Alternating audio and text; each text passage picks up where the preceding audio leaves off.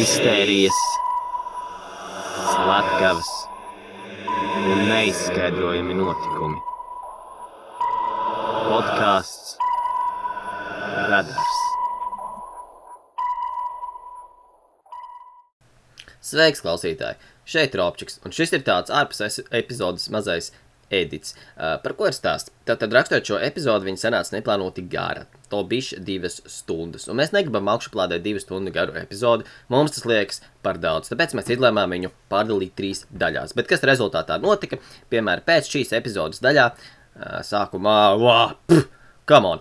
Šīs epizodes uh, sākumā mēs minam, par ko būs epizode, bet rezultātā mēs minam, par ko viņa būs kopumā, nevis par ko būs konkrēti pirmā daļa. Uh, Tāpat var gadīties, ka pirmajai epizodei ir norautas beigas, jo tur nebija plānotas beigas realitātē. Ja, tādas mazas niansītes, kuras mēs gribētu varbūt palabot un paskaidrot. Uh, Papildus informācijai, par ko tad būs šī te pirmā daļa. Tātad policijas vēsture no pirmsākumiem, Latvijas policijas vēsture konkrēti no pirmsākumiem līdz mm, trakajiem 90. Neda- nedaudz par policiju mūsdienās, un arī par pretterorisma eh, vienību Omega. Eh, Otrajā daļā mēs runājam vairāk par komunikāciju ar policiju un policijas eh, attiecībām ar sabiedrību, un trešajā epizodē mēs runājam par pratināšanas metodēm un pat iespējams vēl kaut ko es tālu sitiem tagad neatceros. Es ceru, ka šī te mūsu mm, problēma kaut kādā mērā nesagādās problēmas klausīšanā vai neradīs kaut kādu nepatiku klausīšanu. Uh, es ceru, ka jums būs izdevusies diena, un uh, paldies par klausīšanos, lai jums patīk šī epizode. Nu, kaut kā tā.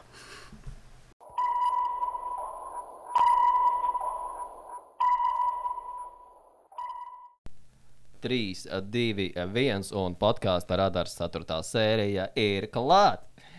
Ar jums šodien kopā, kā jau parasti, Robčiks un Montu. Un tātad, par ko mēs šodien šai podkāstā arī runāsim. Iesāksim mazliet ar policijas vēsturi, pieskārsimies arī jautājumam, vai policija drīkst filmēt. Runāsim par komunikāciju ar policiju, montu. Sabiedrības komunikācija. Sabiedrības komunikācijas ir jāmonta. Tu vari papildināt mani pārējās lietas. Jā, um, īsumā mēs ieskatīsimies nedaudz, kā gan uh, Latvijas sabiedrība komunicē ar policiju, gan, gan, sociālajiem tīk, gan izmantojot sociālus tīklus, gan arī vienkārši komunikācija uh, pati par sevi. Uh, nedaudz ieskatīsimies ASV piemērā. Un arī uh, nedaudz pāranalizēsim uh, izplatītākās policijas iz, uh, pratināšanas metodas. Un uh, nedaudz pieskarsimies arī vairāk tieši Latvijas policijas vēsturei, kā jau tu minēji, un arī pāris tādus interesantus no vēstures faktus, kurus uh, uh, izstāstīšos. Un, Jā, jā. tu teici par tiem, ā, tiem omega veidiem, ne omega. Ah, uh, Omega, jā, par uh, pretterorismu vienību Omega. Omega, bet, bet, jā, bet es domāju, ka tur arī. ā, Nu, katrā ziņā arī jā, mēs pastāstīsim par šiem te policistiem. Man liekas, tie bija policisti tie veidi. ā, Visi tie alpīnisti un, un Uh, zemūdens. nu, tie ir tie Omega specialitātes. Tie ir speciāli. Nu, Labi, tam mēs pieskarsimies, tad, Mhm. mēs runāsim par omegu. Uh, protams, kā jau ierasts, pirms mēs ķeramies, uh, vērsim pie ragiem, mēs uh, runājam par pāris citām lietām, kā piemēram uh, rubrika koordinātu precizēšana. Faktiski arī šis, šī lieta, ko mēs izdarījām šodien. Uh, to varētu arī ielikt kind of šajā rubrikā, tāpēc, ka šis bija ieteikums no viena no skatītājiem, ne klausītājiem, atvainojos, uh, kurš teica, jā, vispār ir forša epizode, bet uh, būtu forši, ja jūs intro ieliktu, kā, kad, par ko būs. Un tad mēs izdomājām, kāpēc nē, mēs varam pamēģināt arī šādi. Uh, bet runājot par rubriku koordinātu precizēšanu, uh, es teicu iepriekšējā sērijā, kad es uh, padomāšu, ko mēs varam mācīties no Zigorda epizodes. Bet es jums teikšu, godīgi, nolažoju. Diemžēl šodien nebūs. Bet, uh, bet uh, nu, nav tā, ka es vispār noslokoju mājās. Uh, mēs, uh, es, es uztaisīju pāris uh, video priekš sociāliem tīkliem. Mēs padomājām par sociālo tīklu attīstību. Un, starp citu, uh, piemēram, pēc tam mūsu Facebook lapā ir atrodama arī tāda maza video. Ik pa brīdim būs minūtes gari. Nu, tā plus mīnus varbūt arī kāds pārējais pār minūtē. Uh, tādi mazi ieskati.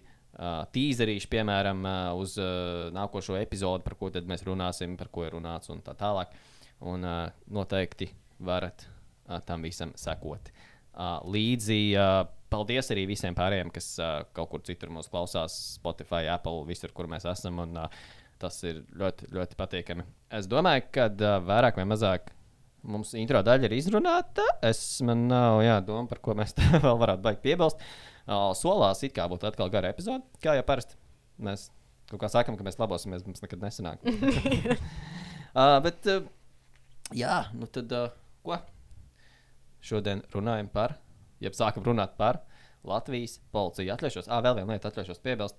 Teiksim, piemēram, par vēsturi runājot, uh, mēs neiesim tā kā pilnīgi pa visiem gadiem cauri, tāpēc, kad ir jāsaprot tas, ka tajā brīdī, kad Latvijā bija padomju laika, tad tāda Latvijas policija nemaz neeksistēja. Līdz ar to mēs runājam par tiem laikiem, kad bija neatkarīga Latvija, un tad arī bija Latvijas policija. Jo padomju laikā, labi, policisti bija latvieši, protams, bet tā nebija Latvijas policija, tā bija cita sistēma, un par to ir baigi grūti runāt vismaz šajā tematikā.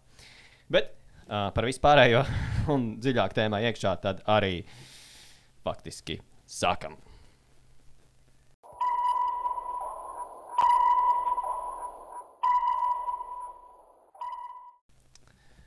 Nu, Tātad uh, Latvijas policijas vēsture viss sākas ar 1918. Uh, gadu.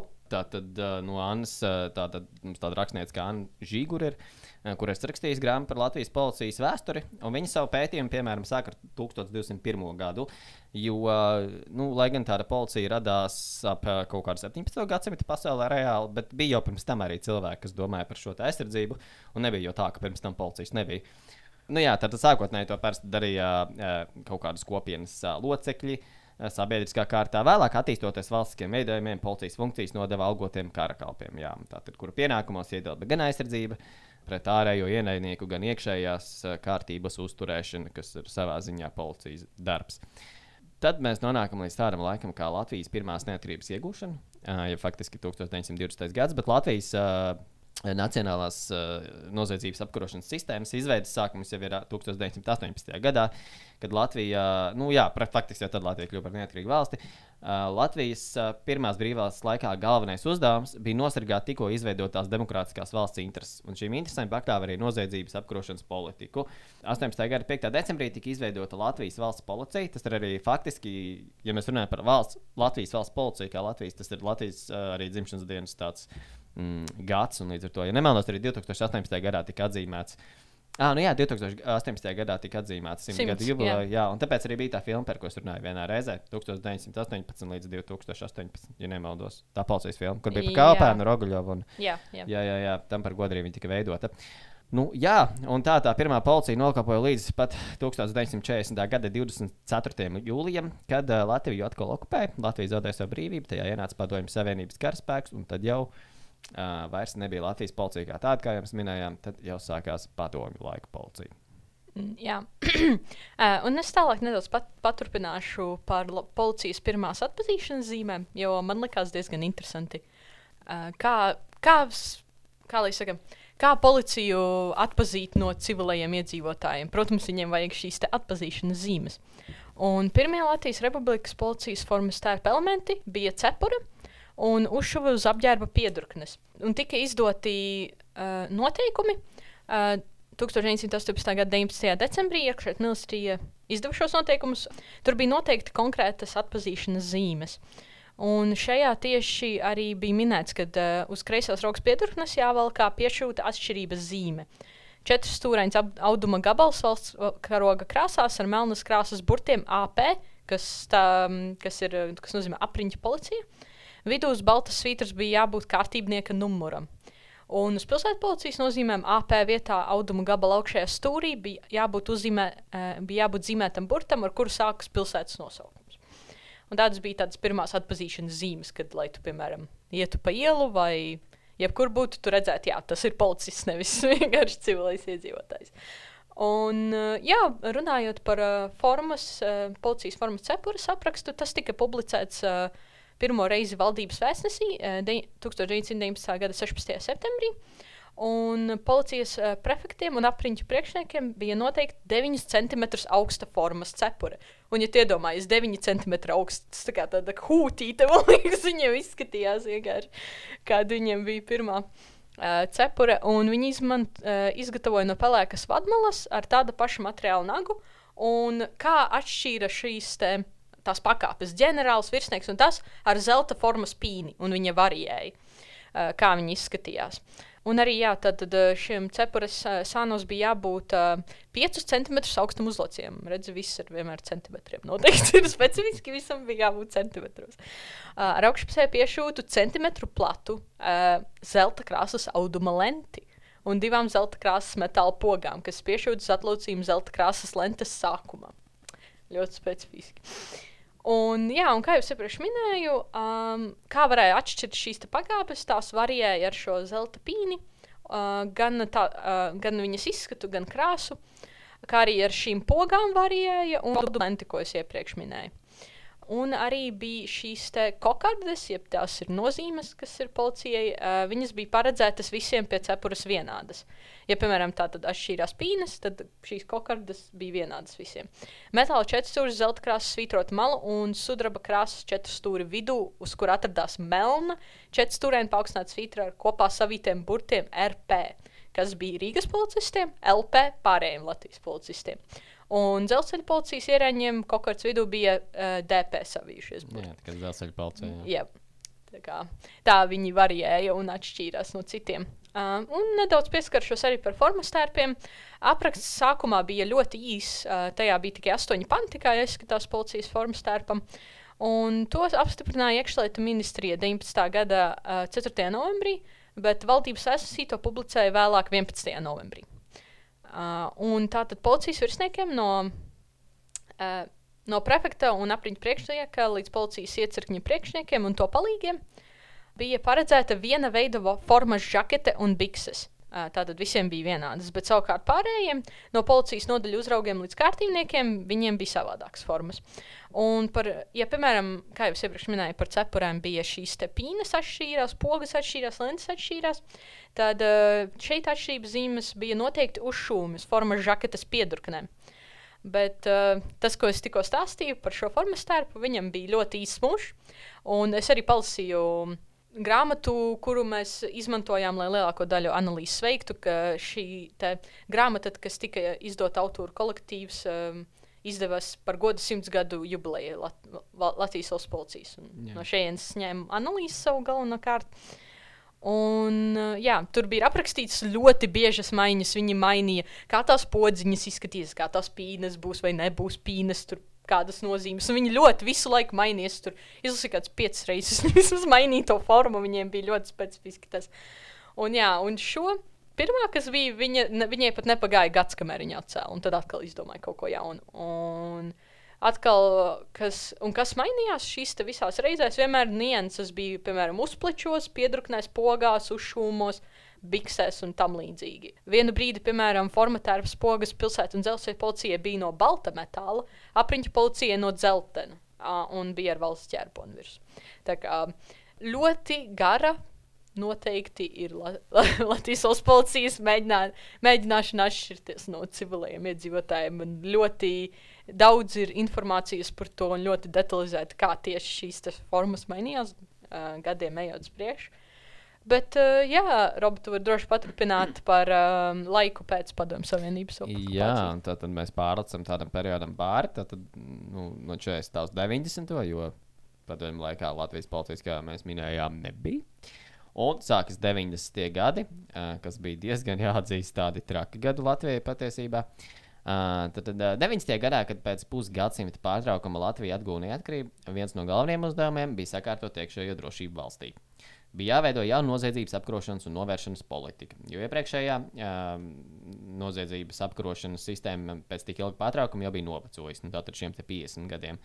Uh, nu, respektīvi, kas strādāja 40 dienas, tas noteikti vairs nestrādā 9 dienas. Savukārt no Padomju Savienības uh, nu, pārmantotā vienkārši neatbilda mērķiem. Uh, raksturīgi, ka šajā brīdī Latvijā notika arī pārējai no plānsaimniecības uz tirgus ekonomiku.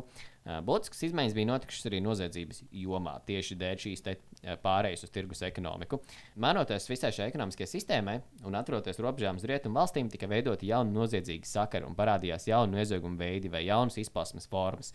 Uh, piemēram, izspiešana, nu, jeb rekets, krāpšana, attīstījās dažādi ekonomiskā rakstura noziegumi, noziedzīgi iegūt līdzekļu legalizēšana, jā, pieauga nelegālā narkotiku izplatība, narkomānija un, un prostitūcija. uh, kļuva pieejamāks šajam ieroču nelegālais tirgus un, un pasaules globa globalizācijas procesu ietekmē, attīstījās cilvēku tirdzniecība. Un visbeidzot, Latvijā ienāca tāda nu, reāla organizēta noziedzība.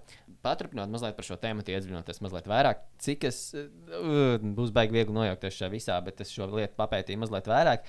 Ir atrodama YouTube tāda ļoti forša filmiņa, kā Latvija 90. mežonīgie rietumi, jo tajā brīdī, 90. gados, eh, šajā posmā, kad Latvija iegūst neatkarību, Latvijā bija arī tāds mežonīgo rietumu periods. Mm, jā, uzauga ļoti strauji šī tirgus ekonomika, ļoti strauji attīstījās uh, viss tas bizness, un tas kaut kā ļoti tīkami izskatījās visiem laupītājiem, zakniem kaut kā tā jāsaka. Jo tas bija tāds moments, ka vienā brīdī vienkārši gan uz rumbulu, gan uz visiem pārējiem tirgiem nāca laupītāji, viņi teica, ka viņi bija kaut ko izskēmojuši, un viņi teica tā. Tev ir tāds un tāds parāds valstī, ja tu viņu neatmaksā tādā un tādā laikā, tad, nu, tā kā tev čau ir, vai ne? Mm -hmm.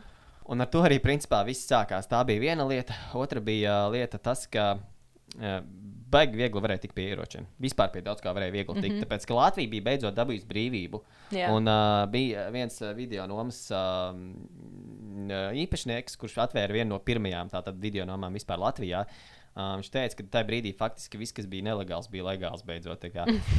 Un tas, nu, kaut kā tam līdzīgi. Un tas pats bija arī ar ieročiem. Mm, viens no policijas priekšniekiem teica, tā, ka uh, ka, granātu kasti tu varēja iemainīt pret polšu. Teiksim,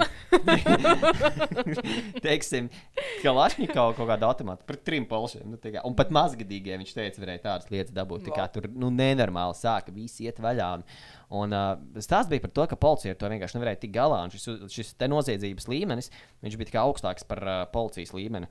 Un, uh, bet, Tad bija arī tādi gadījumi, ko uh, policists, nē, viņš bija tas pats priekšnieks, stāstīja, kad uh, viņš pa Elizabetes, viņi kaut kur esat braukuši pa Rīgu un pamanījuši uz Elizabetes ielas, ja nemaldos, čalu ar Kalašņikovu rokā. Nā, ok.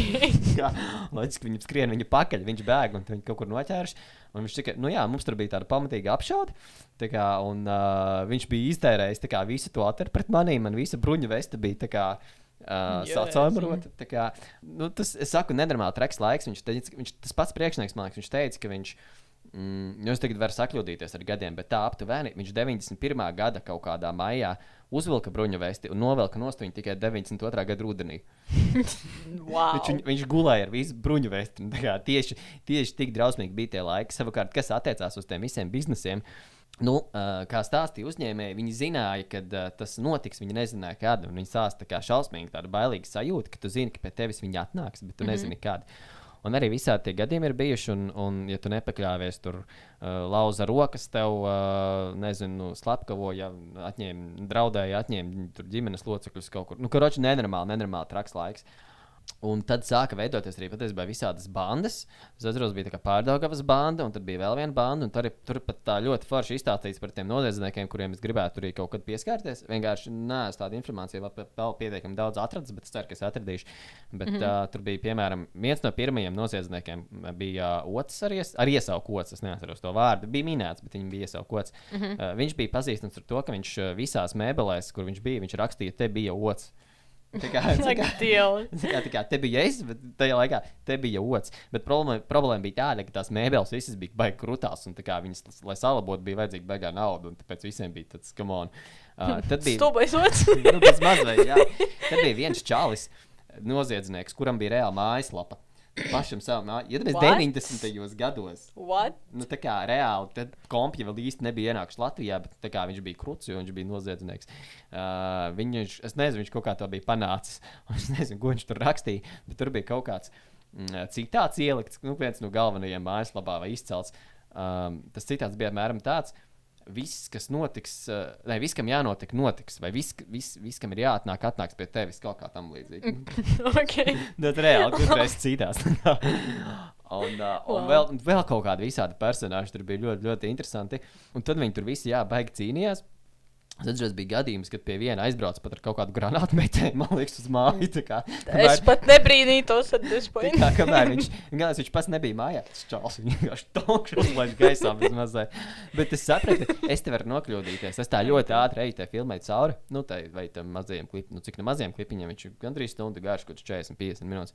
Uh, man liekas, tā visa apkarošana beidzās ar to, ka uh, tie noziedznieki vienkārši viens otru atšāva bez mazliet. Un tā tā noziedzība sāka iet uz leju. Uh, protams, ka arī loģiski, ka policija uh, pati attīstījās ar vien vairāk un tika izveidotas šīs policijas sistēmas, nu, jaunas, no jauna. Jūs zināt, kā jauna valsts vai ne, jauna noteikuma, tas viss ir jāpārzina. Tas ir tāds, nu, tā kā sanāk reformas laiks, man liekas, bišķiņ. Un tad policija bija beidzot sakārtojusi visu, un tad arī viņi varēja, nu, tā kā tikt tam visam klāt. Bet, nu, tas, tas, kas tur notika, tas bija uh, katrā ziņā. Uh, čau. Ah, vēl kas bija interesanti, kā to.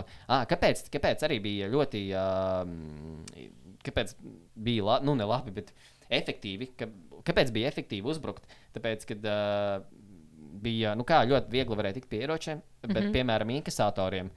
Viņi bija ļoti neaizsargāti. Piemēram, viņi veida mm. ar parastu žiguli, piemēram, visu to naudu lielu, kas Nu jā. bija tie tūkstoši, mm. un to žiguli ieņemt, tur nav problēma. Viens čels teica, ka kaut kāda mm, sieviete esot vedusi, nezinu, man liekas, pusmiljonu vai, nu, kruč, beig daudz naudas ar tramvaju. Ar ceļu tramvajā. got to do. Nu, jā, jā, ceļu tramvajā. Pusmiljonu apmēram. Nu, tā kā. Un, jā, ā, un vēl bija uh, speciāls krēsls. Viņa taisīja, lai tur naudu ielikt. Tā bija noziedznieki, kas sev speciāli kropļoja, lai viņi izskatītos tā kā naidīgāk, un viņi, nu, lai cilvēki yeah. viņiem reāli baidītos. Es saku, tie bija, tie bija trakie 90. Monti, tu vari paņemt mikrofonu. Jā, 90. noteikti bija tāds ļoti unikāls laiks Latvijas vēsturē. Un, eh, ja es tā apkopotu visu, ko tu tikko pateici, kopumā šo periodu varētu raksturot kā laika posmu ar stabilu noziedzības pieaugumu, kad noziedzīgo nodarījumu veidi ir kļuvuši bīstamāki un apdraud sabiedrības drošību. un Tā tad aizvien vairāk no, noziegumi ir ar pārobežu raksturu, kas tā tad ir pārsteidz jau robežas, tas vairs nav tikai eh, Latvijā vienkārši. Bet, uh, jā, ā, un es gribēju vēl piebilst, ko es uh, sākumā aizmirsu piebilst, kāpēc mēs par policijas partijas epizodu. Jo, jo um, kā mēs runājam, mūsu podkāsts ir par dažādiem no, eh, noziegumiem, uh, mistērijām, tam līdzīgi. Jā. Bet kas viss šiem kopīgs, visiem šiem notikumiem, ir policija pa vidu. Tāpēc uh, man liekas, ka uh, policija ir viens tāds uh, ļoti arī liels elements šajā visā, kad tiek runāts par noziedzniekiem, par noziegumu atklāšanu. Tāpēc mēs izdomājām arī atsevišķu epizodu noveltīt policijai. Jā, vispār, kad par šo ieminēju, es arī atcerējos par savas pāris pārdomas, veidojot šo epizodi. uh, man arī bija tā, ka sākumā man likās mazliet, mm, varbūt, es nezinu, interesanti vai dīvaini izvēle. Bet es tā pie sevis domāju, jā, cik es esmu skatījies kaut kādus, uh, nu, to pašu Basfīdu un Solvdu, cik no podkāstus klausījos, bet un Solvdu bija mana lieta, vai ne? Tā baigāti tur ir atsevišķi tā kā epizode par policiju. un tā kā, Tā kā, jā, interesanti izvēle. Bet, kad es sāku domāt par šo, un tad, kad kaut cik es sāku veidot uh, šo epizodu, no tās savas lietas, un pēc tam pamanīju tavas izveidotās lietas, tad man bija tāds, oh, bet baigi labā epizode. Tas bija diezgan interesanti. Un arī no tā viedokļa, jā, ka vienkārši baigi maz ir tā, man liekas, runāts. Mm. -hmm. Nu, tā, nu, uh, nezinu, A līdz Z gandrīz vai, bet, uh, jā, tāpēc man liekas, es baigi daudz domāju, ka šai vajadzētu būt labai epizodei un interesantai arī. Nu, Man liekas, mēs šo arī iepriekš pieminējām, ka, kā, lai gan mēs runā, esam iesākuši runāt par slepkavām, tas, ko tu saki, jā, mums ir dažādas tematikas. Uh, nu, pieturoties pie trūkstošiem žanra, bet principā dažādas tematikas. Un kāpēc beidzot pārmaiņas spēs neparunāt par kaut ko citu, nevis tikai dzīves stāstu par personām, par kurām mēs noteikti atgriezīsimies, vēl būs, bet pārmaiņas pēc kaut ko citu. Yep. Uh, tieši Ah, es tev, sorry, sorry, jā, jā, jā. vēl vienu jautājumu gribēju uzdot. Jā, pirms mēs ejam prom no 90. Labi, labi. uh, neminot precīzi gadu. Tu skaities 90. gadu, Ui, tu skaities 90. gadu bērns, vai ne? Vai ne? Nu, nu jā, sanāk. Beigas tev ir. Jā? Nu, Beigas sanāk. Jā, jā, nezinu. Nu, man ir vidus. Es vienkārši domāju, nu, līdz manam dzimšanas periodam, laikam, viss vēl bija pa lielam jau normās. Nu, tie trakākie gadi, es saprotu, bija ā, 91 līdz 93. kaut kā tā. Mm Mhm, -hmm, liekas. nu, tas jā. bija tas lielākais periods. Bet es vienkārši aizdomājos pie sevis. Kad... Tajā brīdī, kad es dzīvoju, apmēram kaut kas no tā visa notika kaut kādā mērā, iespējams, vēl. Es gan, es gan uh, dzīvoju tālu no Rīgas tajā brīdī, tāpēc man tas tā neietekmēja. Bet, nu, vienalga. Apmēram mm. -hmm. redzot to situāciju, kas bija tad. Nu, tas tā. Tu vari iet. Jā, uh, ok. Un noslēdzot uh, tātad um, vēsturisko daļu, uh, mēs pāriesim pie mūsdienu, je, uh, mūsdienām, jeb kāda izskatās Latvijas valsts policija šobrīd. Un, ja mēs ņemam tā tīri pēc likumiem un pēc definīcijas, kas ir likumā ierakstīts, uh, Lat valsts policija ir Latvijas Republikas iekšlietu ministrijas padotības iestāde, iekšlietu ministra pāraudzībā esošā tieši pārvaldes iestāde. Tā kā, tas ir tāds oficiālā definīcija, kas ir valsts policija šobrīd. Un, uh, ja mēs runājam šo, par šī brīža Latvijas policijas pienākumiem un funkcijām, tas jāskarā, jāskatās atšķirībā, kāda līmeņa ir policija. Jo tie sadalās trīs līmeņos. Ir tātad iecirkņa līmenis, ar kuriem vietējiem iedzīvotājiem ir visbiežāk sakars, ja kāds vēršas policijā ar iesniegumu vai tam līdzīgi. Uh, tad ir reģiona, jeb teritoriālo policijas pārvalžu uh, līmeņa policisti, un tad ir centrālās struktūra vienības. Un, jā, un uh, runājot par šīm teritoriālām pārvaldēm, tajām tā tad ir pakļauti šie policijas iecirkņi, un kopumā ir 39 teritoriālie iecirkņi un lidostas Rīgas iecirknis. Un iecirkņi ir tā valsts policijas struktūra vienība, ar kuras darbiniekiem primāri, nu, kā jūs teicat, primāri un visbiežāk sastopas iedzīvotāji vērstoties valsts policijā. Valsts policijas struktūra ir centralizēta, un valsts policijas priekšniekam ir pakļautas ļoti, ļoti daudz pārvaldes. Es tagad visas neuzskaitīšu, bet ir ļoti iedalīts atsevišķi pārvaldes, kura dara katru savu konkrēto funkciju. Piemēram, ir krimināla policijas pārvalde, tad ir administratīvā, tad ir uh, pārvalde, kas uh, personālu pār, uh, personāla jautājumus kārto, iekšējās kontrols bijušas un tam līdzīgi. Tam līdzīgi. Un arī uh, ir policija sabiedrisko attiecību nodaļa, ko es nedaudz vēlāk pieskaršos tam. Uh, bet, uh, bet jā, un um, nedaudz tādu nelielu atkāpi gribu uh, uztaisīt, bet uh, ieru, ierunāt, laikam tā būtu pareizāk. Um, kad es lasīju šo grāmatu, ko es minēju sākumā, šo simtsgadus uh, Latvijas valsts policijai veltīto grāmatu, tur bija uzskaitīti arī dažādi uh, noziegumi, kurus lielākie nozie, noziegumi, kurus Latvijas valsts policija ir atklājusi. Un vienu šo noziegumu, ko es gribēju pastāstīt, ir bijis 14. gadā. Man tajā laikā bija 16, bet es absolūti neatceros, ka šis būtu noticis. Un man vienkārši likās dīvaini, jo pārējie notikumi, noziegumi, kas tika pieminēti, es plus mīnus atceros, bet šis man kaut kā vispār, kā saka, no radara ir izslīdējis. Bet jā, tā tad runājot par šo vienu no noziegumiem atklātajiem 14. gadā, no 15. līdz 23. septembrim, Eiropas Savienības mēroga starptautiskās operācijas Arhimēds laikā valsts policija sadarbībā ar muitas policijas pārvaldi, šobrīd tā ir nodokļu un muitas policijas pārvalde, Latvijas preču vilcienā sastāvā atklāja 11 zaktas automašīnas, kuras tālākie pārdošana bija paredzēts nogādāt Taģikistānā. Un šīs divos vilciena vagonos bija atrastas 11 luksus klases automašīnas. Piemēram, Mercedes-Benz, tur bija BMW, Lexus, Land Rover, Audi A7. Un šisas, visas šīs automašīnas bija nozagtas dažādās pasaules valstīs, piemēram, Vācijā, Zviedrijā, Polijā un, nu, loģiski arī Latvijā. Un eh, šīs starptautiskās operācijas laikā izdevās konstatēt jaunu izveidotu schēmu zaktu automašīnu transportēšanā, kuru bija izveidojuši organizētās noziedzības dalībnieki. Es nezinu, tu atceries kaut ko tādu vispār, ka būtu kaut kas tāds noticis. Es galīgi neatceros. Kaut ko mazliet atceros. Nu, ļoti minimāli, teikšu, godīgi, bet kaut kāda tāda lieta, ka tur bija, es atceros, kaut kādas virsrakstus gan jums lasīju. Mm -hmm. Jo, piemēram, viens no tiem uh, atklātiem saka, noziegumiem, jeb lietām bija par krājbanku, kuru es noteikti atceros tas bija tiešām, man liekas, pavisam ziņām izsludināts, bet šis te par zaktiem automašīnām es tiešām kaut kā neatceros, un tāpēc es gribēju vienkārši izstāstīt podkāstā. Jo man likās ļoti interesanti, ka uh, vienkārši ķipa, tas tā kā rītīgi uzsvērts, kā rītīgi tāds wow nu, lieta, bet vispār ziņās tā vismaz, nu, vismaz es personīgi neredzēju. Nē, nē, bija kas. bet nē, tas, ko es atcerējos, kad šis stāstīja. Uh, viena, man liekas, tas bija. Ah, nē, tas bija Linkolns kaut kāds. Sākumā domāju, tas bija laiks. Tad, kad es tiem uh, 90. gadu yeah. noziedzniekiem yeah. runāju, bija viens uh, čalis, noziedznieks, kurš uh, brauc ar, man liekas, Baltu Linkolnu, kuram numurzīme mm -hmm. bija Lucky. Ah. Viņš beigās to nu, mašīnu kaut kur vecrīgā, man liekas, uh, sasita kaut kur, man liekas, kaut kādos tajos stabiņos, man liekas, tur mašīna. Stabiņi. Vēl joprojām aktuāli. jā, bet es nezinu, bet tur bija kaut kā tā, viņš bija pats, man liekas, aizbēdzis, bet jā, nu, priekš 90. gadiem, un tā kā bija tāds arī krūtais tāds. Mm. jā. Tur turpināt ar savām uh, savu pētījumu. Uh, jā, uh, ok. Uh, jā, tā tad tālāk, par ko es gribētu pieskarties tematu.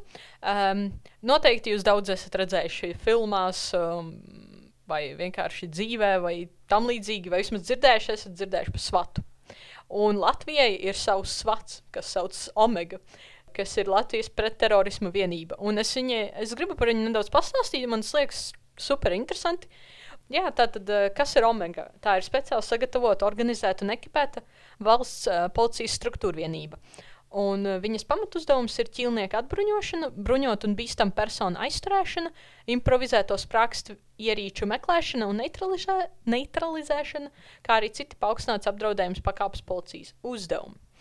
Un, ja mēs nedaudz ieskatāmies vēsturē, tātad 1992. gada 26. novembrī tika izveidota Omegas vienība, un 1994. gada 12. jūlijā vienība veica praksē pirmo ķilnieku atbrīvošanas operāciju. Tikai 96. gadā uh, speciālība ieguva šo nosaukumu Omega. Uh, un uh, 1997. gada 11. jūlijā Omega īstenoja vienu no savām zināmākajām operācijām Rīgā, Jā, Rīgā Asar ielā 18 veiksmīgi atbrīvoja ķilnieku. Tad es gribētu parunāt par kā viņi veic kandidātu atlases un apmācības. Nu, jo loģiski, nu, jebkurš nevar vienkārši iet omegā būt. Nu, tas ir Tur vajag specifisku tipu cilvēku. Šis būs tā kā, ja jūs kādreiz esat domājis kļūt par omega dalībnieku, jums tāds, o, jā, es būšu. Es būšu. Nu, tad lūdzu, klausieties, monētu uzmanīgi. Kas jums? Es mazliet iespējams papildināšu, bet uh, mēs sāksim ar monētu. E, Jā, uh, tātad, uh, kas, kas, kāds ir omegas kaujinieks? Tātad tā ir persona, kur ir izgājusi speciālu atlasi un sagatavota darbam vienībā. Lai kļūtu par kaujinieku, nepieciešams liels gribas spēks un motivācija, kas ir tie, tie tiek uzskaitīti kā galvenie kriteriji. Bet, nu, protams, tas nav viens. Tev nepietiek tikai ar motivāciju, ka tu gribi tur būt. Tātad eh, šī kandidāta primārā atlase un izvērtēšana notiek speciālā procesā. Tas ilgs kopumā trīs dienas. Un tur tiek pārbaudīta kandidāta fiziskā sagatavotība, fobija, nesamība, arī viens no um, kritērijiem. Motivācija, kā jau iepriekš minēju, kā arī intelektuālās spējas, un kas ir ļoti, ļoti svarīgi, noturība stresa apstākļos un spēja pārvarēt grūtības. Um, un es arī palasīju nedaudz par um, šīs atlases, kā viņa ir notikusi vēsturiski. Uh, sākotnēji, protams, tika pievērsta lielāka uzmanība fiziskajai tieši cik tu esi fiziski spēcīgs un tam līdzīgi, bet uh, joprojām un vēl pastiprināt mūsdienās vairāk par visu pievērš uzmanību tieši mentālajam aspektam. Cik tu esi noturīgs, cik tu esi psiholoģiski gatavs šim visam. Kā, pagā, ja pagātnē tam par to tik ļoti nerunāja, tā kā sabiedrība kļūst uh, vairāk atklāta par šo tematu un vairāk tiek runāts par mentālo veselību un psiholoģisko veselību, tad arī tas tiek ieviests šajos atlases procesos, kas man likās ļoti uh, arī interesanti. Un uh, tātad šiem kursantiem ir regulārs ieskaitas, un viņiem ir dzelžaina disciplīna jāievēro. Un, pat, un kā jau iepriekš minēju, pat ja kursants ir fiziski spēcīgs, ne katrs spēj izturēt stingro uh, šo te intensīvo režīmu. Jo tiešām uh, šie cilvēki viņi tiek pakļauti, tiešām viņiem tiek simulēti ļoti tādi saspringti apstākļi, lai zinātu, tiešām būtu pārliecināti par viņiem, ka viņi ļoti stresainā. Ja, viņi ir psiholoģiski spēcīgi. Jā, kad viņi var izturēt to, tāpēc viņiem ļoti ir šis te režīms atlasē. Uh, Es, man liekas, tagad, pirms tam jāsāc runāt par tām specialitātēm, vai tu vēl Mhm. kaut ko gribēji teikt? Uh, sāc- nē, droši vien piebilst. Jā, bet tagad es pirms tam sāku runāt par tām specialitātēm. Nu, faktiski man ir vairāk pazīstami cilvēki, kas darbojās Ādaņu poligonā, bet uh, viens man tāds tuvs draugs ir. Un viņš man vienreiz rādīja, nu, mēs tur vairāk cilvēku bijām, bet viņš rādīja mums video. Es neesmu pārliecināts, vai tas bija Omegas sagatavošanai, vai tas bija kaut kādai mm, armijas kaut kādas nu, augstās, augstas pakāpes sagatavošanai, vai kā. Bet ir kaut kur pieejams video par to visu. Un, uh, tas, ko es no tā video atceros, ka tur arī bija, nu, iespējams, tas, par ko arī tagad mini. Uh, viens bija, ka viņiem bija jāguļ ūdenī, bet ūdenī, kā, es nezinu, vai tā bija jūra vai tā bija upe vai kaut kas, bet kā viņi visi bija gandrīz, ne, man liekas, tā bija jūra, bet viņiem tā kā bija tur reāli jāguļ ļoti ilgu laiku visiem kopā, lai redzētu, cik ļoti viņi spēj izturēt tos apstākļus. Bija vēl viena tāda lieta, kad viņus, uh, man liekas, ar visu formu, kas ir nenormāli smaga, mm -hmm. viņus iemeta baseinā. Mm. Un viņiem bija tur jāmāk izdzīvot, vai kaut kas tamlīdzīgs. Es atceros, mm -hmm. kad, nu, vienkārši, nu, es, es personīgi atceros tās lietas, kas man visvairāk, teiksim, man būtu grūtākās. Jā, vai kas man visvairāk psiholoģiski nu, būtu visbailīgākās. Uh, viena vēl interesanta lieta, ko es atceros, viņiem bija arī izdzīvošana, kur viņiem bija vieniem pašiem jāizdzīvo, bet tur bija vairāk tie līmeņi. Un tur, uh, nu, pirmajā reizē, teiksim, viņi ir ar visu formu, jā, otrajā reizē tur kaut kas mazāk, trešajā mm, reizē, teiksim, viņi ir faktiski, man liekas, pat knapās drēbēs tikai. Un viņiem ir nāzes dots, lai izdzīvotu. Ja, bet kas ir interesanti, viņiem dod līdzi arī trusi. Un to trusi, Trusi. trusi. Ok. Un tev ir izvēle, ka, kā, ja tu gribi ēst, tu, tu, tu to trusi, jebkurā brīdī var nogalināt. Yes. Nu, tā, kā, nu, tā ir tāda psiholoģiskā pārbaude, vai Nu, kaut kā jā. citādāk, nu, nu ķip atradīsi veidu, kā, kā tikt ar sevi galā, vai, ja tu nespēji, tad tev ir tas trusis. Bet, kā, man liekas, nu, tā kā, es centos sevi iedomāties tajā vietā. Nu, es esmu, piemēram, cilvēks, kurš dzīvnieks ļoti mīl.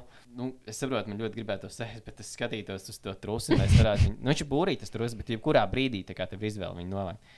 Nu, tas ir reāli tāds psiholoģiskais. Tāpēc es, nu, tas ir tādas lietas, ko es atceros. Bet, mm -hmm. uh, Mm, faktiski, jā, tas, kam es uh, gribēju pieskarties no, no savām zināšanām šajā tā jautājumā par omega, jā, par šo te sagatavošanos. Kam ir jāiet kaut kādā Jā. jā. mērā cauri, ja, ka tas nav tīri varbūt fiziskais treniņš, jā, bet tas, ko tu saki, psiho, nu, tur ir reāli psiholoģiskais.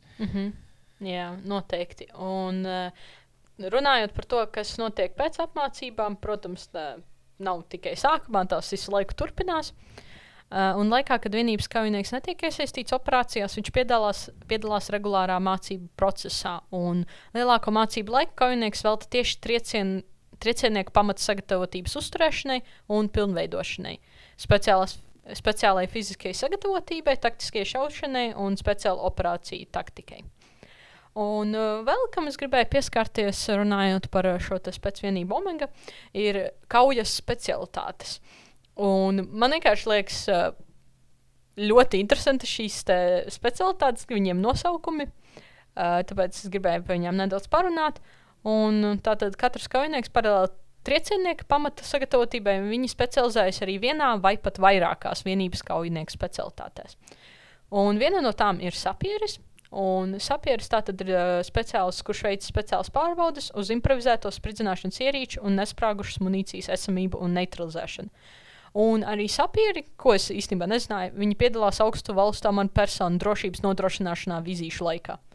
Kas, which makes sense, tā kā, ja tu iedomājies, tā kā loģiski, ka tur varētu būt risks, bet es nekad tā nebiju par to izdomājusies. Uh, pirms tā ir tālāk. Es tā mm. -hmm. izdomājos. Nu, tas ir tāds mans pieņēmums. Yeah. Mm, vai uh, sapieris, nu runājot par sapieriem, teiksim tā, vai biežākais gadījums, kad uh, cilvēks sastiek, satiek, sastop, satiek omegu, uh, nav tie momenti, kad kāds izdomā, nezinu, piezvanīt uz policiju un pateikt, es stācijā novietoju bumbu. Man liekas, tiek- ka jā. Un tad viss tiek evakuēti. kā- Man liekas, uh, tā kā tie ir, visbi, nu, kā tie ir ar sapieri visvairāk saistīti. Man liekas, tie ir biežākie momenti, jā, kad mēs sēdējam omegu. Starp citu, par to runājot.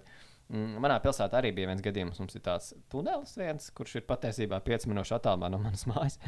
Un, uh, nu, tas tunelis ir vieta, kur pienāk arī autobusi. Nu, teiksim, ja tu ar autobusu brauc uz manu pilsētu, tur ir tā autobusu pietura. Mm. Un viens kā nu, tajā tunelī pie autobusu pieturas bija novietojis kaut kādu somu un arī pateicis, ka tur ir bumba. Un reāli bija atbraukuši tur čaļi ar pat robotu. Mm. Un reāli nu, viss kā tunelis no abām pusēm norobežots. Visi meklē citu ceļu. Lai, nu, ne- nu, nav tā, ka tas vienīgais ceļš, loģiski, viss, viss kārtībā tādā ziņā, bet tā kā, tas bija tas liels notikums. Mm -hmm. un, uh, un, un visi tur gāja skatīties, kas tur, kas tur notiek. Es atceros, man draugi patiesībā arī intervēja. Mm. Uh, nu, tā kā bija, bija besta būma, liekas, izžets par šo Ah, oh, yeah. Un es viņu vienkārši redzēju televizoru. Bet, kas man liekas, redzījākais, es zināju, kā viņu sauc, bet viņam bija bainīts vārds. tā Kā, bet es, zināju, es redzu, ka viņš tur ir, bet zinu, nē, tas nav viņa vārds. Like, I know this guy. Bet jā, jā, mums tā bija milzīga lieta. Es gan nebiju, man liekas, klāt tajā situācijā, ja godīgi. Nu, es zināju, Kur ka tāda lieta, bet, uh, bet um, Krutākā lieta pagasta. Nē, kaut kur blakus es biju. Es zinu, kas bija brīžiem pieslēdzies. Bet es tur neko interesantu vienkārši tā nesaskatīju. Vienkārši ir tunelis, kā tur redz, tur ir policija abās pusēs. Nu, labi, tu vari redzēt no viena gala tikai. Bet viņi tur staigā un viņi tur tur kur atkāpieties, atkāpieties. Vai ne? Nu, tā kā, mm -hmm. Tas ir viss, ko tu tur redzi. tā kā. Bet visiem Jā. vienalga interesē, jau mums tur tunelis sprāst. yeah. Protams, ka Um, tur beigās nekā nebija. Nu, nu jā, protams, bet uh, labāk, kā saka, ņemt nopietni šādas lietas, nevis pēc tam izrādās, ka tā ir patiesība un cieši nevainīgi cilvēki. Pēc tam tā nav bijusi vienīgā reize, kad tur bijusi soma nolikta kaut kāda. Bet, uh, man liekas, tā bija vienīgā reize, kad tika izsaukta laikam šī omega. Un kad viņi tur gāja roboti iekšā pārējās reizēs, man liekas, cilvēki ar lielu noignorējuši. kā, Nu, visiem ir skaidrs, ka Mm. tā kā nav. Bet, nu, tāpatās. bet labi, tu vari iet tālāk. Jā. Um, Tātad runājot tālāk par šīm specialitātēm. Uh, viņiem, protams, arī kinologs. Un kinologs ir uh, speciālists, kurš apmāca un sagatavo darbam, kā arī veic dienas pienākumus, izmantojot dienesta suņus. Nu, man liekas, šī ir vis tāda visredzamākā, kā lai saka. Jo parasti, nu, policija parasti arī ir kinologi. Jā, Tā nu kā, jā. tādā ziņā, ka mēs lielākā iespēja sastapt kinologu. ir tādā Ā, es biju domājis, ka sap... À, nu labi, tādā ziņā, jā. Jā, jā, Nu, jā, es apmēram sapratu. jā. Uh, tālāk ir specialitāte pārunvedējs. Un šis speciālists veids pārunas, lai atrisinātu situāciju mierīgā ceļā. Bet tajā pašā laikā viņš arī apmācīts ir dot iespēju taktiskajai nodaļai sagatavoties un nepieciešams gadījumā būt gatavai reaģēt. Un, jā, Nu, jā, tas ir tas čels, mēs ar Monteju bijuši pasmējāmies pirms podkāsta. Tas ir tas čels, ko jūs filmās parasti redzat, kurš stāv ar to skaļru. Un tā viņš Jā. tā, Džeims, šis nav vienīgais ceļš. Džeims, tā nevajag darīt. Jā, uh, principā jā, viņi ir apmācīti speciāli, kā runāt, kā psiholoģiski kā saka, ietekmēt Viņi ir cilvēkus. reāli un- psihologi, man liekas. Jā, Reāli. Reāli. Jā, viņi specifiski apmācīti ir. Un tad mums, protams, ir sniperis novērotājs, kas ir speciāli sagatavots kaujinieks, kur uzdevums ietilps slēgta piekļūšana.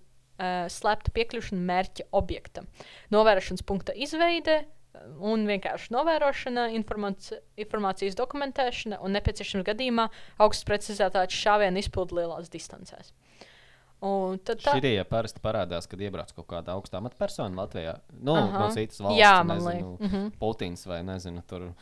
mm, Baidens prezidents Amerikā vai ne? Tagad, nu jā, vai es nezinu, kurš kurš iebrauc Latvijā, cits prezidents uzreiz visi uz jumtiem, tur sniperi, tur čeko. mm, Nu, cik es atceros. Nu, labi, tas ir citi, citi ārzemnieki bija iebraukuši šajos gadījumos, bet nu, tā vienkārši piemēram. Mm -hmm. Jā. Uh, tālāk mums ir ūdenslīdais kaujas peldētājs, kas ir zemūdens un virsūdens operāciju eksperts. Viņa uzdevumos ietilpst noteikta akvatorija pārbaude, slēpta piekļūšana ūdens tilpnēs pieguļošām teritorijām un objektiem, un kā arī piekļūšana dažādiem uh, peldlīdzekļiem, peldlīdzekļiem un nokļūšana uz tiem. Un tad mums ir divi taktiskie speciālisti. Viens ir taktiskais alpīnists, kurš ir speciāli apmācīts lietot specifiskus alpīnisma elementus, lai iekrū, iekļūtu mērķa objektos ķīlnieka atbrīvošanas un aizstarāšanas operāciju laikā. Un ir arī taktiskais mediķis, kurš ir kaujinieks. Viņš ir speciāli ap, ap, sagatavots traumu guvuši ie, ievainotā pirms medicīniskai aprūpei operāciju norises rajonā. Un tad mums ir vēl divas specialitātes. Viens ir, kas man liekas diezgan cool, ir šķēršļu sagraušanas speciālists. Iedomājieties, tu tā kā esi vienkārši čalis, kas vienkārši spridzina lietas. Tas ir principā, kas ir šķēršļu sagraušanas speciālists. Nu, Viņš ir gadījumā nav arī tas čalis, kurš uh, izsit durvis ārā. Uh, man liekas, ka jā, jo viņi ir apmācīti trieciena, nu, iekļūšanas punkta sagatavošanā, un viņi atbrīvo no dabīgiem un mākslīgiem šķēršļiem. Nu, jā. Tā tad, ja durvis mēs uzskatām par mākslīgu šķērsli, tad, Nu, tad jā. tā ir. Nu, jā. Jā. Nu, Uh, jā. Un, uh, jā, tad šis speciālists arī no, var nodrošināt grupas iekļūšanu pa slēgtām durvīm, logiem un pat sienām. mēs Jā, minējām, jā. tas ir, ko mēs minējām, jā, un tad izmantojot visādas metodas. Un pēdējais, kas ir, tas ir speciāla transporta vadītājs. Kurš ir speciālists, kurš padziļināti sagatavots ir vienības rīcībā esošo transporta līdzekļu speciālajā vadīšanā. Un, kas ir interesanti, viņš, protams, ne tikai māca vienkārši braukt, bet viņš arī apmācīts uh, veikt šo taktiskus uh, manevrus. Tas ir, piemēram, es nezinu, man liekas, vismaz tas tā, ka tu, piemēram, brauc un ka tu māki apgriezties ķipā, uh, nu, 100, 360 uzmas. Uh, tā kā, kad tu braucienu laikā. Man liekas, viņš tas ir. Mm, viņš izdomā arī, kā braukt. Viņam ir teiksim, teritorija, un viņš izdomā, kā taktiski to teritoriju labāk izbraukt. Piemēram, es nezinu. Uh, tas lauks, nē, tas laikam vairāk ir armijā, ka viņš ir mīnēts. Bet, nu, labi, teiksim, tur var būt visādi šķēršļi. Mm -hmm. Tai, nezinu, lai nokļūtu uz punktu A, uz punktu B. Man liekas, viņam ir jāzina skaidri, pa kuru ceļu vislabāk braukt. Mm -hmm. Jā. Un, nu jā, kā jau minēju, viņam jāzina šie visi taktiskie manevri. Viņam jāmāk braukt, viņam jāmāk ļoti labi braukt. Un viņam ir uh, arī jāzina, ko darīt, uh, lai izveidotu grupas formāciju aizturēšanas operāciju laikā. Un viņam arī jāmāk braukt uz dažādas seguma brauktuvēm un bezceļa apstākļos. Tā kā Jā, pa visādiem segumiem, visādos veidos. Man liekas, no visiem šiem, nu, tas ir man personīgi. Uh, man liekas, šim ir visstilīgākās apmācības. Nu, protams, katram ir dažādas intereses, bet mm -hmm. man konkrēti. Uh, tāpēc liekas, ka šis, tāpēc, kad, man liekas, viņš ir izbraukts ar tik daudz dažādām tā tām te, viņa mm -hmm. tehnikas mašīnā. Man, piemēram, nu, tas pats čalis, kurš draugs, kurš rādīja tos klipus, apmācības. Uh, viņš man rādīja, kā viņi, es nezinu, vai šādu informāciju drīkst teikt, bet kā viņi ir uh, braukuši ar šiem kvadrcikliem, ādažos, bet tiem, kuriem ir tā kā nevis četras riepas, bet sešas riepas. Mm, un bija tāds, wow, krūta. Nu, Jā. Uh, paga, pirms tam tālāk, vēl viena lieta. Es mm -hmm. gribēju uzjautāt, interesi pēc. Jep. Nu, tā kā no šiem visiem, cik viņi deviņi nemaldos, bija. Ja te būtu jāizvēlas viens, kā omega strādāt, tev piedāvāt, kur tu ņemt, kurš būtu, kurš tev liekas tavējais? Man liekas, neizturēt omegas fiziskās vispār pārbaudas. Bet, nu, bet tev ir iespēja tagad būt ir diezgan dažādi. Tu vari Jā. ar bumbām strādāt, ar dzīvniekiem strādāt, jā, tur var runāt, varbūt snaipers, pa ūdeni mm. -hmm. močīt, pa kalniem, varbūt mediķis. Nu, kas, ir, kas tev tāds tuvākais liekas? Mm, Es varu iesākt, ja tu gribi par sevi. uh, jā, tu vari pastāstīt, kas tev liekas. sākumā. Es domāju, es būtu ļoti labs pārunvedējs. Ah, ak, tā. nu, tāpēc, kad uh, es. Uh, Vai tev nebūtu bail tā kā, no tās spriedzes? Nezinu, tā kā. Gan jau, ka Tev būtu. burtiski, saprotu, uz tevīm burtiski būtu, nezinu, simtiem cilvēku dzīve. Nē, noteikti tevi. būtu. Noteikti būtu. Tas vienkārši tā, nu, mazliet humors. tev. Vienkārši Es domāju, tā kā, uh, nu, labi, cik no šajā epizodē varbūt mazāk runāju. Bet nu, es parasti esmu tas uh, runātīgais cilvēks. Mēs arī uh, piedzīvojam garā, nu, biedrību, kurās darbojos. Uh, mums arī runāja par, cil... mēs runājam par cilvēku tipiem, kad ir audiālais, vizuālais, uh, vēl bija divi cilvēku tipi. Un, uh, un es sevi noliku pie audiālā, jo man liekas, ka audiālās lietas ir manas lietas. Un tad, nu, tas tā skaitā arī runāšana. Un tad es domāju, hmm, es, varētu, es ar to cilvēku varētu kā tik daudz runāt un kā tik daudz viņam stāstīt. es ceru, ka tas nedarīt pretēji efektu, ka viņam vienkārši aptika man novērsties. Viņš tāds, "Ai, nē, es labāk daru šīs lietas. Zini kā. Bet nē, es vienkārši vados arī pēc tā, ka es, nu, kā es kā piedzīvojumu garā darbojos, es nu, esmu instruktors.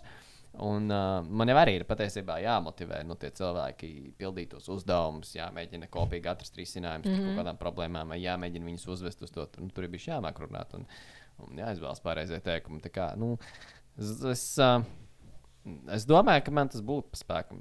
Kā, mierīgi. Mhm.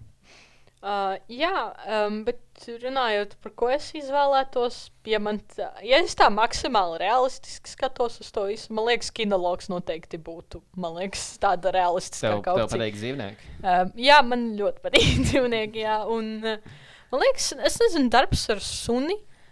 Man liekas, tas ir ļoti interesanti. Un, uh, to ar to, nu, protams, tas suns, jā, tev ir darbs un tas, bet to ar viņu, kas saka, tādu saikni izveidot tādu ļoti īpašu. Un man liekas, rītīgi forši. Un, nezinu, strādāt ar sunim, man liekas, tas būtu rītīgi super un rītīgi interesanti. Vismaz man tas būtu rītīgi interesanti. Ja tu būtu kinologs, man liekas, piemēram, gan jau tev kaut kādā brīdī būtu jāiet pēc tā tērpā un jābaig no suņa. Ne? Uh, es nezinu, vai to dara arī cil tie cilvēki, vai tajā tarpā ģērbs arī tie Kinologi nu, paši. saimnieki. Jā, es, Es domāju, ka nezinu. jā, nu, kaut kādā veidā jau viņiem ir jāiziet tam visam cauri, lai viņi varētu iemācīt. Nu, tā kā, nu, zin, kā, tā ir Jo, actually parasti praks- man liekas, citi cilvēki to dara. Bet, ja godīgi, es totāli Nē, nezinu. nu, man liekas, tas ir, nu, kā, nu, tas ir jebkur, kur tu mācījies. Nu, tā kā tu jau nekļūsi automātiski, man liekas, par to kinologu. Tā kā tu iem, nu, kā, tev arī ir praksa, vai ne? Nu, jā, protams. Tas suns kāds, nu, nezinu, 5, 6 reizes tev tur ieķerās. Tagad tu zini, kāds notiek. Tagad tu vari pastāstīt citiem, kāds. Kā tur pareizāk skriet, kā ne, nu, es nezinu. jā. Mistērijas, slepkavas un neizskaidrojami notikumi. Podkāsts Radars.